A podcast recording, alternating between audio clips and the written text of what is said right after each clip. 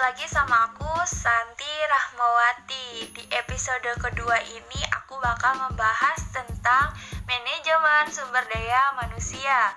Di episode ke satu kemarin itu kita udah membahas tentang manajemen produksi. Nah sekarang ini juga berkaitan dengan manajemen sumber daya manusia. Yuk langsung aja kita bahas manajemen sumber daya manusia Manajemen sumber daya manusia ini bermanfaat untuk sejumlah individu secara efisien dan efektif serta dapat digunakan secara maksimal untuk mencapai tujuan organisasi atau perusahaan. Kajian manajemen sumber daya manusia menggabungkan beberapa bidang ilmu seperti psikologi, sosiologi, dan yang lainnya. Apa sih fungsi dari manajemen sumber daya manusia itu? Manajemen sumber manusia memiliki peran yang sangat penting dalam sebuah perusahaan. Tanpa adanya manusia, perusahaan mungkin tidak akan berjalan dengan efektif dan efisien. Di sini manusia memegang peran penting baik skala kecil maupun besar. Melalui manajemen sumber daya manusia, semua kegiatan yang berhubungan dengan tenaga kerja dapat dikelola dengan baik karena sumber daya manusia memiliki fungsi yang pertama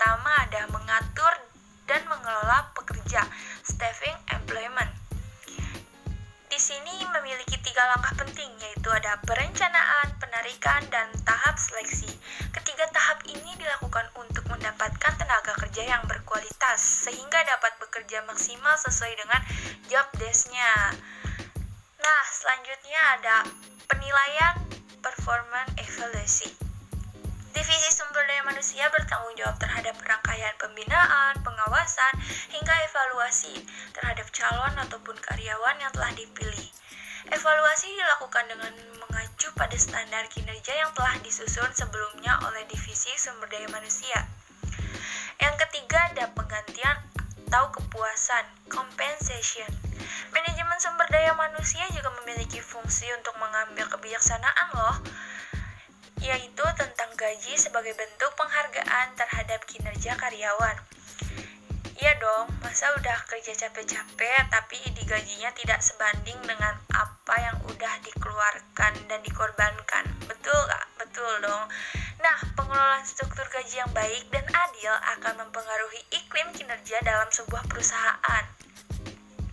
Yang keempat ada pusat pelatihan dan penasihat atau training and development. Divisi Sumber Daya Manusia bertanggung jawab terhadap semua program untuk melatih karyawannya agar bekerja dengan baik.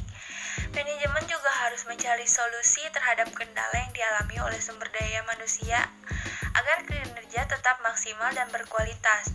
Nah, jadi kalau misalnya ada setiap karyawan yang punya masalah nih, terus eh, manajemen sumber daya manusia ini tuh dia membantu gimana sih solusinya gimana cara jalan keluarnya supaya jadi yang terbaik gitu lalu yang kelima ada membuat relasi employee relation Manajemen juga memiliki tugas untuk membangun hubungan dengan pihak luar terkait dengan sumber daya manusia, yaitu serikat pekerja.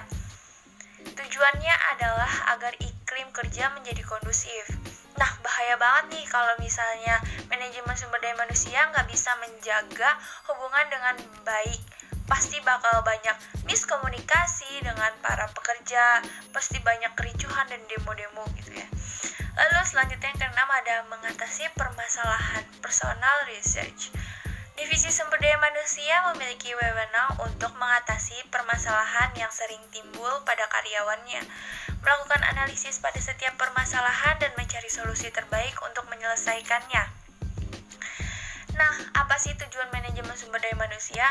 Tujuannya adalah coba bayangin kalau misalnya tidak ada manusia, pasti dia akan berjalan tanpa arah dan tujuan dan dapat membuatnya tersesat. Hal ini juga berlaku untuk perusahaan. Tanpa tujuan yang jelas, perusahaan tidak akan memiliki target yang ingin dicapai dan untuk apa perusahaan tersebut dijalankan. Nah, itu tadi seputar tentang manajemen sumber daya manusia. Kurang lebihnya mohon maaf. Wassalamualaikum warahmatullahi wabarakatuh. Dadah.